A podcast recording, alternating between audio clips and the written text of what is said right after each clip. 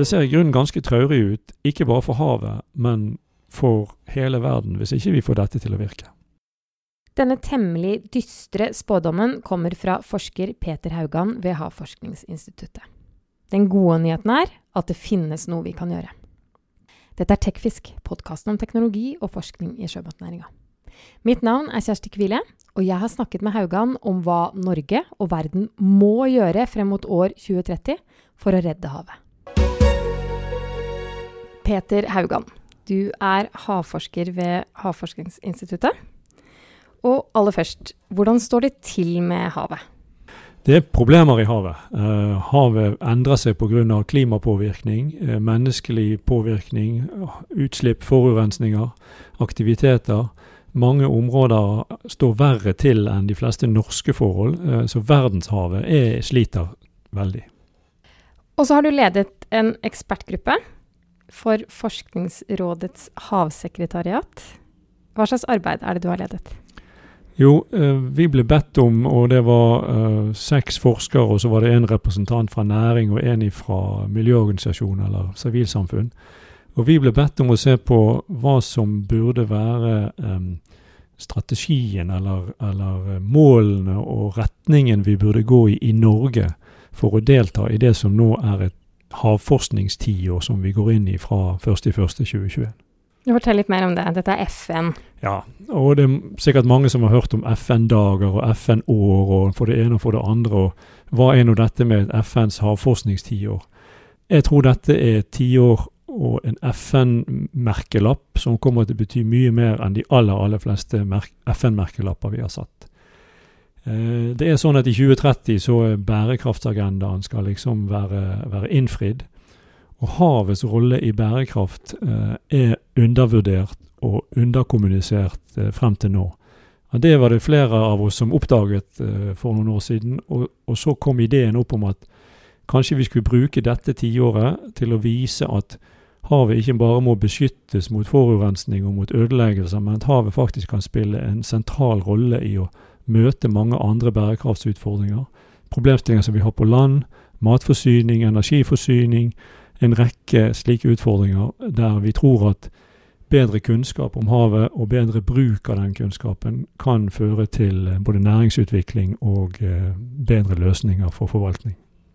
Ja, og da er Norge en av de mange som har en rolle der? Ja da, og, og eh, de forskjellige landene må jo finne ut de, hvordan de ser at de kan bidra med. Så vår oppgave i denne ekspertgruppen under Forskningsrådet var jo å tenke ut eh, hvor er det Norge kan bidra, hvor, hva er det viktig at vi gjør på hjemmebane, og hvor er det vi kan bidra spesielt mye internasjonalt.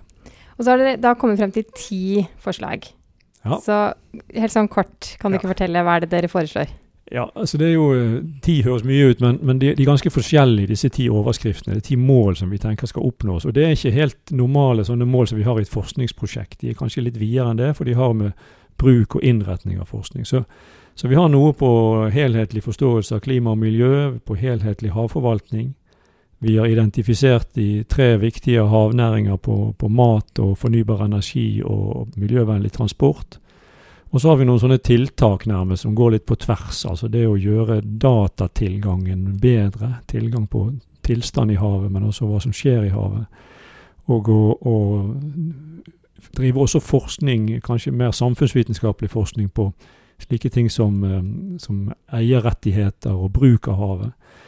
Og så er det Arktis som vi syns krever spesiell oppmerksomhet. Det internasjonale sider ved det som vi ikke bare kan løse alene. Og det er også det globale havøkonomien og, bistand som vi mener vi skal være, være, spille en rolle i.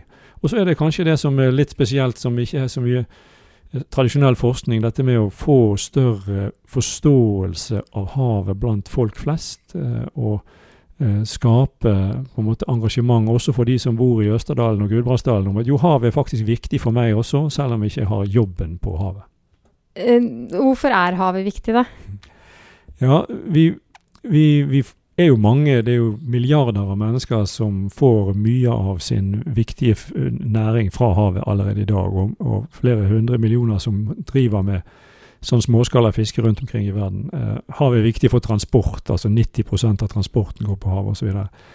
Men jeg tror det aller eh, viktigste her er, er, det potensialet havet har til å spille en enda større rolle i, i menneskenes liv og i bærekraftig utvikling. Uh, vi har sett at vi kan hente mye mer energi fra havet.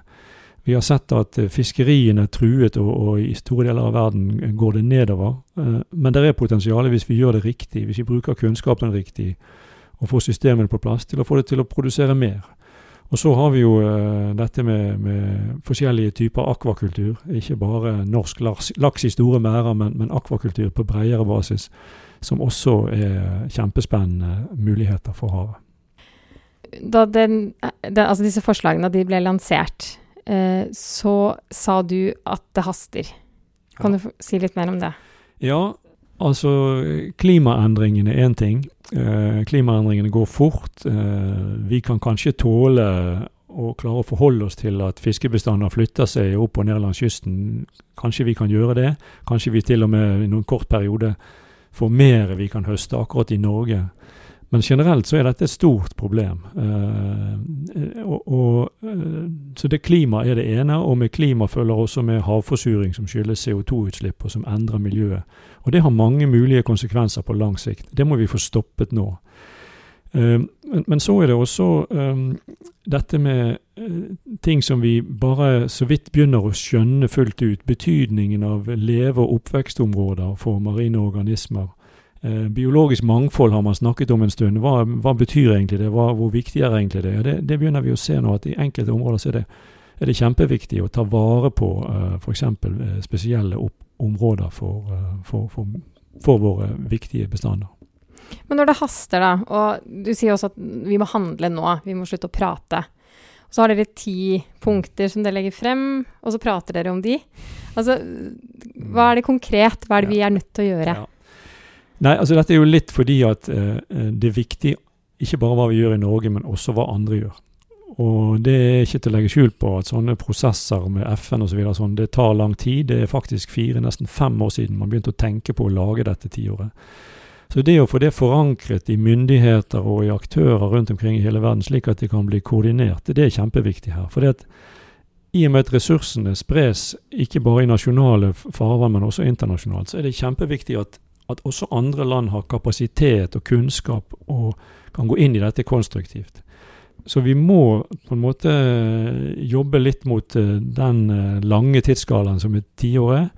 Men så må vi også ha det for øye at, at, eh, forskning som skal bidra her, skal ikke bare liksom gi gode forskningsrapporter i 2030. De skal gi resultater som fører til at vi får et rent hav, vi får et, et velfungerende hav før 2030. Så her er det snakk om å koble forskning mot uh, forvaltning og næringsutvikling. Og sånn konkret, da, hva tenker du er noen av de viktigste tingene vi gjør nå frem mot 2030? Vi må, uh, vi må sørge for, uh, globalt må vi sørge for å få stopp på en del av forurensningen som går ut i verdenshavene. Det, det, må vi bare gjøre. Og så må vi få sånne systemer som ligner på det vi har fått til med noen av våre naboer når det gjelder forvaltning av, av fiskebestander, flere steder i verden. Eh, det er eh, noen steder hvor man har fått det til. Vestkysten av USA. Det finnes faktisk gode eksempler i, midt i Stillehavet hvor man forvalter tunfisk.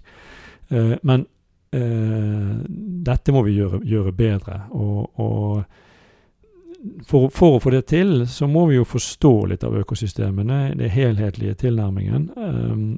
Men den kunnskapen, på en måte Kunnskapsbehovet der følger av de behovene vi har for matproduksjon og for forvaltning.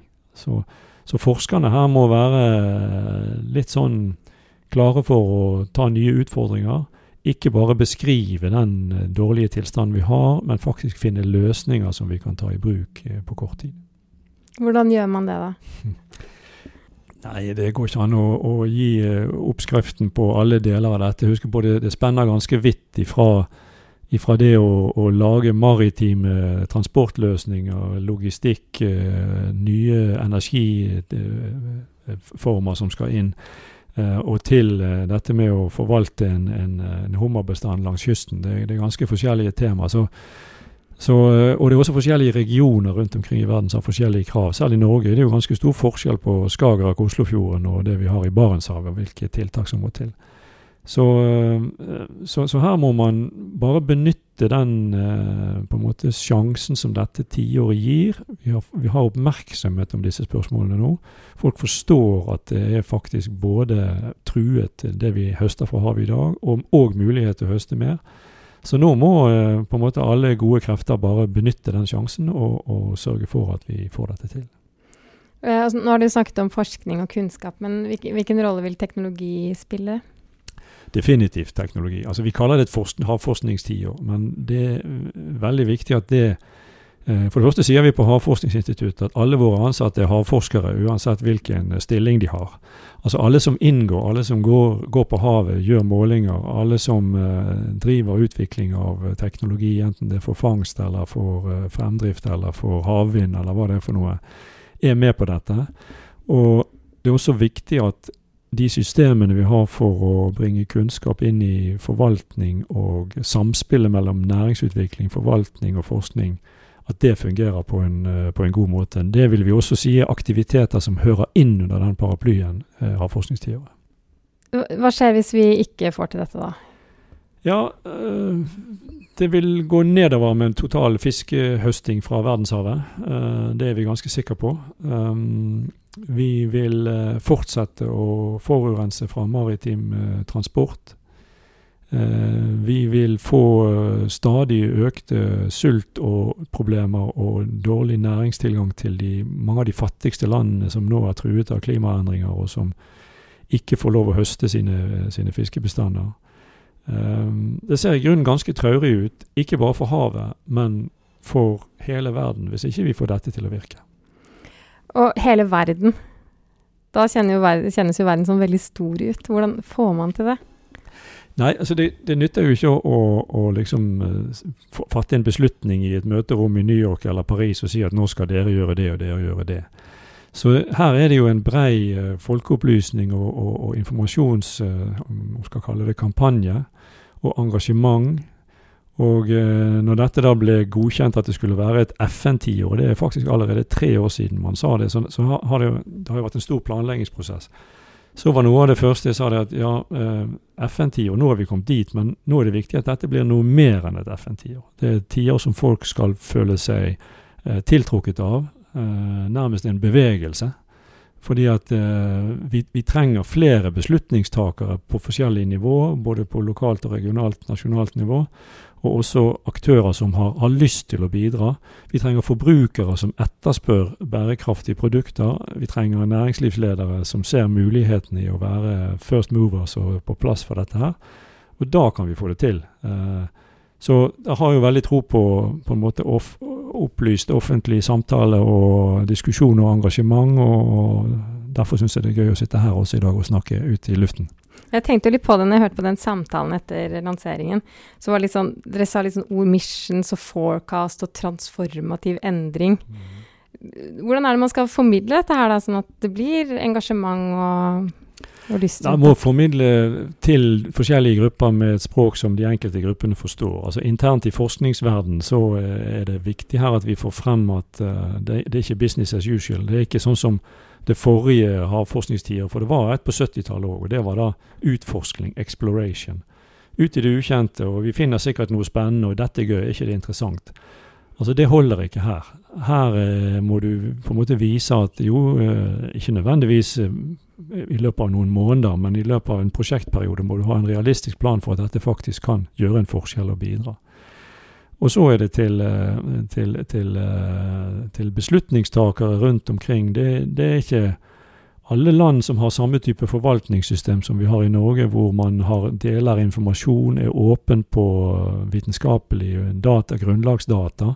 Så har vi selvfølgelig interessekonflikter som skal håndteres her, akkurat som alle andre steder. De går ikke vekk. Men det at den kan bli på en mer uh, opplyst måte rundt i verden, det er veldig viktig. og det, Da må vi ha politisk vilje, uh, og vi må ha, ha, vilje til handling i tillegg til forskningen for at dette skal gå bra. Er det politisk vilje og vilje til handling? Ja, altså jeg ser jo at eh, For å trekke inn noe annet av dette høynivåpanelet for bærekraftig havøkonomi som vår statsminister har satt i gang, med 14 land som som ser nettopp på politikk og, og handling som skal til for, for å eh, få til eh, den utviklingen vi vil ha. Så er det i hvert fall der jeg vil kalle det en eksemplarisk vilje og interesse til å på en måte bestille kunnskapsrapporter og informasjon fra forskersamfunnet. Til å se på hva er situasjonen i dag, og også hvilke muligheter har vi til å gjøre ting på en annen måte. Og så eh, er det jo å håpe at når, eh, når dette også legges frem for andre, at, at, flere land vil være med på den reisen og, og, gjøre ting på en bedre måte enn man har gjort før. Når det er så mange land, og det er myndigheter, det er næringsliv, det er private mennesker, det er forskere Det er, det er veldig ambisiøst. Vil vi få det til? Ja, vi må få det til. Uh, og det er derfor det er ambisiøst. Altså har vært med på noe av denne internasjonale planleggingen fra, fra ganske tidlig. Så det er klart at vi, vi tenkte da uh, skal det være liksom et forskningsinnsats for å lære mer og kunne mer.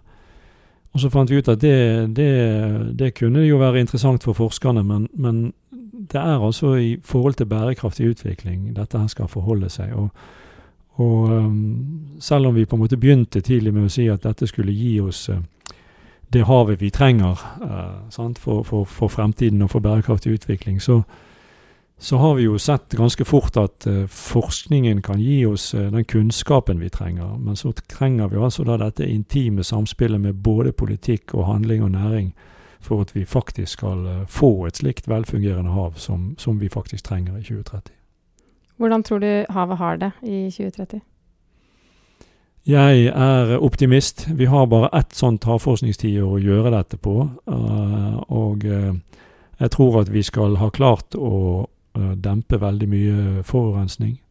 Jeg tror også at vi ser en del veldig spennende utvikling når det gjelder klimatiltak som selvfølgelig trenger, trenger, enda mer fart i seg. Men noen av de tiltakene begynner å gå av seg selv fordi at de er konkurransedyktige på pris i forhold til fossile kilder, f.eks.